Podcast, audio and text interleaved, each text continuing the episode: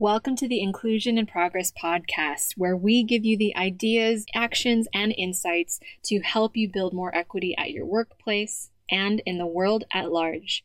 I'm your host, Kay Fabella, international expert on diversity, equity, and inclusion, a Filipino American living in Spain, and your guide in navigating this DEI journey.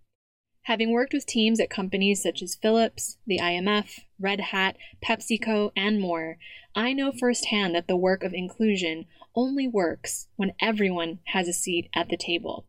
Regardless of your personal entry point into this conversation, your race, ethnicity, gender, ability, age, sexual orientation, country of origin, or educational background, we all have a role to play in creating inclusion for all. And it starts with us having conversations we need to create the change we wish to see. So let's dive into today's episode.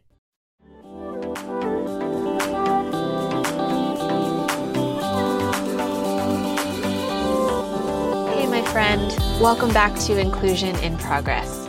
So, like I'm starting off many of my conversations these days, I'm going to ask you a question How are you today? How are you doing with everything that is going on right now? If you're listening to this episode in real time, you will now, most likely, be under quarantine, lockdown, or safely sheltering in place from home, as we have been in Spain for the past going on a month now. And with so many amazing options for at home entertainment, I mean, we've got virtual museum tours and DJ D Nice, who's hosting parties at Club Quarantine on Instagram. I mean, I truly appreciate you taking the time to listen to this podcast right now. And if you'd like to do me and Team Kay a five minute favor, I swear that's all it takes, we would very much appreciate it if you left us a review on iTunes. We've adjusted our episode schedule to try and provide as much relevant, value driven content for minority leaders and inclusion driven companies in times of COVID 19. And it's been so lovely to receive emails and LinkedIn messages from those of you who are tuning in from all over the world and putting the resources and conversations into practice. Like reviewer Jane Easy from the US, who wrote, A necessary podcast. I enjoy Inclusion in Progress a lot. Kay is very personable and brings her unique experiences into each episode. It's wonderful to listen to how D&I manifests in her life. Or reviewer Zoska Grutch from the UK, who wrote, Fantastic diversity and inclusion resource. The podcast gives really useful tips and ideas on how to manage D&I issues. This is backed up by some solid resources and evidence, which I really appreciate. We also had an email come in from someone who launched their company's first ERG or Employee Resource Group for Women and who used episode 13 of this very podcast on daily micro actions for allies to guide their first conversations as a group. That really gave me all the warm and fuzzies. Like I've said before, this podcast is truly a passion project, a labor of love, and every bit of feedback really makes a difference to get these conversations and resources out there to the people who need it most, especially right now. So, with that said, I want to dive right into today's episode about the role of inclusion and belonging in uncertain times. So, as I've been sharing on LinkedIn, we are coming up on the end of what is it now? What day is it? Week three of lockdown in Spain. Week two for my UK based colleagues, and day 10 for my family in California. I'm seeing firsthand, from a truly global perspective, how topsy turvy life has become. What we're experiencing with COVID 19 is trauma, fear, anxiety, grief, and stress all of it is hitting us in waves, individually and collectively. And there's nothing any of us can really do except to accept that we need to ride or surrender to those waves as they come, since so much of what's happening around us right now is out of our control. Which goes without saying that we can't expect business as usual right now. I'll give you a personal example. My Spanish father in law is 76, tested positive for coronavirus, but thankfully, doctors say he can expect a full recovery. In fact, he was released from the hospital at the time of this recording earlier this week, and he's been cleared to spend the rest of his confinement in a separate room and bathroom for the next 14 days as he recovers. It's been a whirlwind, right? We watched pretty much helplessly as his symptoms started to get worse at home, not knowing if he had it, if he didn't have it. We watched how his fever didn't go down for over a week and how unnatural it felt for such an expressive, family oriented country like Spain to know that none of us could go into the room to visit him for our own health and safety. Now that he's at home, my husband, my in laws, and I can now breathe a collective sigh of relief because with the statistics of infection and illness getting scarier by the day, we know how lucky he was. I'm grateful for the hardworking healthcare workers who took care of him. Best believe I'll be cheering every night at 8 p.m., even harder than I already was. For the child I'll never see, whose note saying Animo Guerrero was delivered with his morning yogurt one day, it was really funny. My father in law thought that he might have a secret admirer at the hospital. I'm really grateful for the different friends and family members from all over the world who cheered me up over Zoom calls and checked in to ask how he was doing over WhatsApp. I'm especially grateful for the clients and colleagues who've encouraged me to take the time I needed to be there for my family and take care of my own mental health. And I know it won't be the last person I know directly or indirectly that will be affected by this virus. So while I am relieved that my father in law, or suegro, is okay, I'm also, in a way, steeling myself for the waves of grief that may be yet to come. For my dad and cousins, who are medical professionals on the front lines, for my entire family in California, who feel so far out of reach right now with closed borders and no flights to get to them, even if I wanted to. For my global network of friends and colleagues around the world, whether they're being affected through lost jobs and income or the awful reality of losing family members and relatives. And all I can do, all any of us can do, is wait, continue to do our best for our loved ones, and in my case, the clients who depend on me, and be as gentle with myself as I can. Because there is no handbook for how to lead or how to be inclusive in a pandemic. This will affect all of us on different levels in ways we can't even begin to anticipate, in ways that we're perhaps nervous to share openly with others. So, the best thing I can offer in terms of advice is to check in on yourself and check in on your people as much as you can. Because right now, diversity and inclusion goes beyond just the normal monthly programming that's been scheduled or ERG meetings. It means each of us individually leading with compassion, no matter who we are or where we come from. And believe me when I say there is a greater need than ever for empathetic, authentic leaders. Sound voices that we can listen to and trust to guide us through this challenge as we face it together. Which is why in today's episode, I wanted to share a few reflections on how you can continue to be an inclusive leader and cultivate belonging for your direct reports and colleagues, and continue to stay together while apart. So, why are diversity, inclusion, and belonging just as important as companies go remote to protect the health and safety of their workers during COVID 19? Well, the first reason is there is a tendency, and this has been proven over and over, in pandemics to activate xenophobia or bias towards a specific group. I'm going to be honest here, I've been heartbroken to hear of how fellow Asians, Asian Americans, even in famously progressive cities like San Francisco, where my sister lives, are getting spat on and told to go back to China, being stabbed in the streets, or unfairly blamed for starting and spreading the virus. And on a personal level, before we went into quarantine here in Spain, I was on the receiving end of xenophobia as well. Two weeks before the lockdown, I got on a bus near my house and rode the 12 stops to Madrid city center to meet a friend.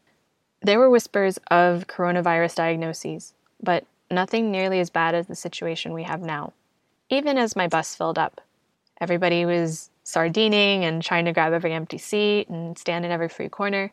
The free seat next to me remained vacant for my entire journey. And I kept that incident to myself for a week before having the guts or even just the emotional capacity to share it with my husband, with my in laws, with my friends. Because I honestly couldn't believe it.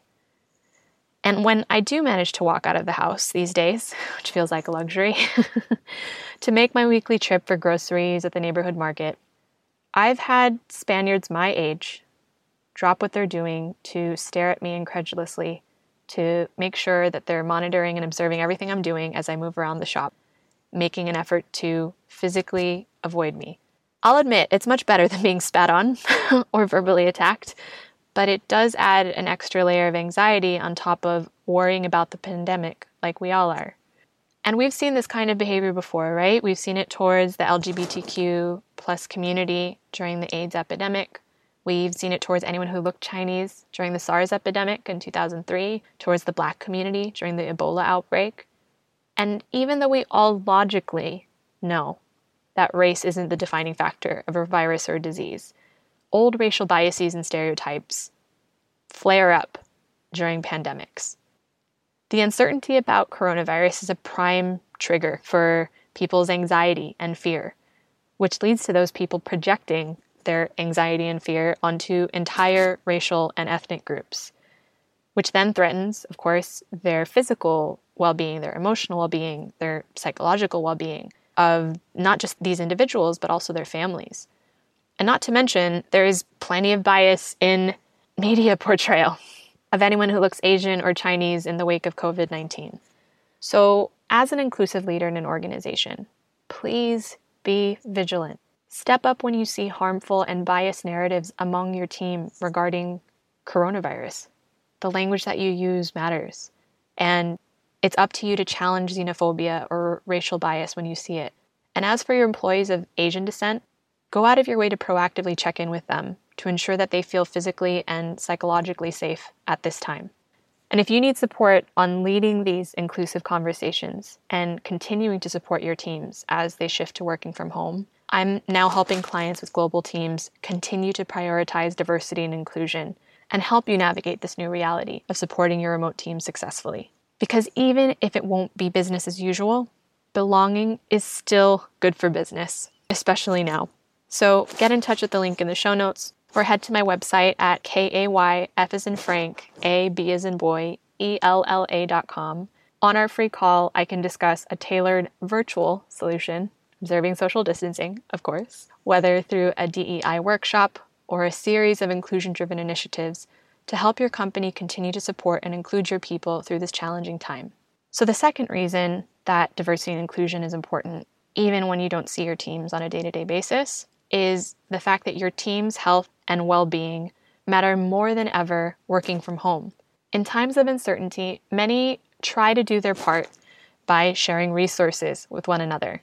But there are very few people who are fact checking diligently when they add links and memes to their group chats or their Slack or WhatsApp threads. So, as a result, there is a ton of misinformation out there about the coronavirus and how to stay healthy right now. I mean, I've heard nonsense like folks thinking that they can kill the virus by drinking bleach. I think it goes without saying, but please don't do that. I can't believe I even have to say that, but you know, this is the kind of stuff that we're dealing with here, right? Like I said earlier in this podcast, sound, reliable, trustworthy voices of wisdom and calm are needed more than ever. And as an inclusion driven leader, you can do your part to allay fears and anxiety by stopping the spread of misinformation. Work with your HR or internal comms teams to only share science backed health and safety updates with your organization.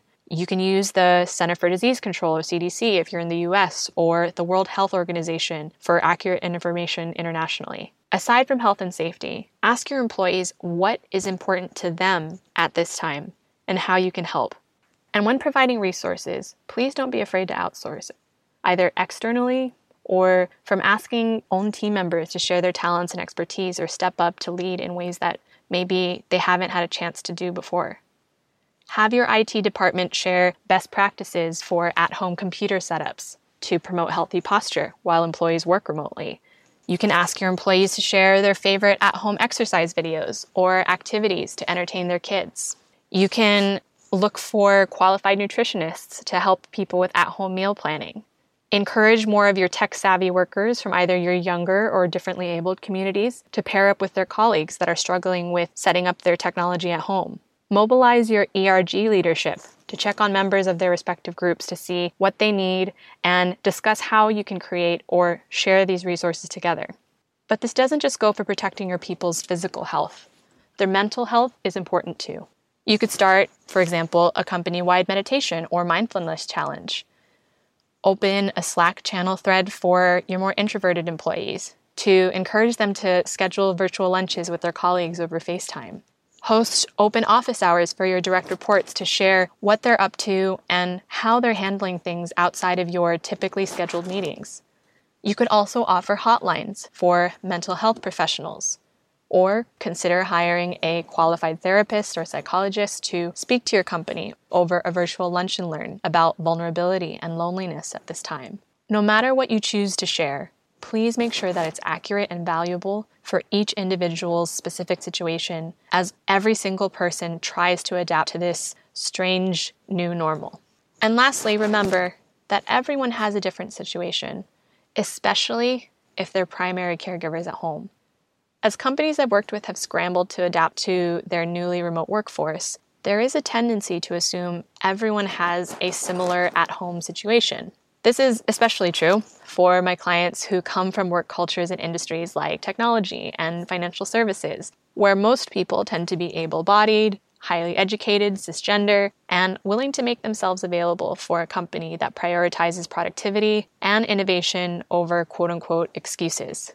But if you look at the actual impact these cultures have had on people, the daily hour long commutes to and from headquarters, the services encouraging employees to live in the office, the meetings that bleed into personal time, the diminishing number of women and people of color at the table, the guilt parents feel for balancing performance and their families. It's clear that this culture is not and has not been working. As I shared in episode 18 on remote work and D&I on this podcast, asking people to live to work is clearly not sustainable.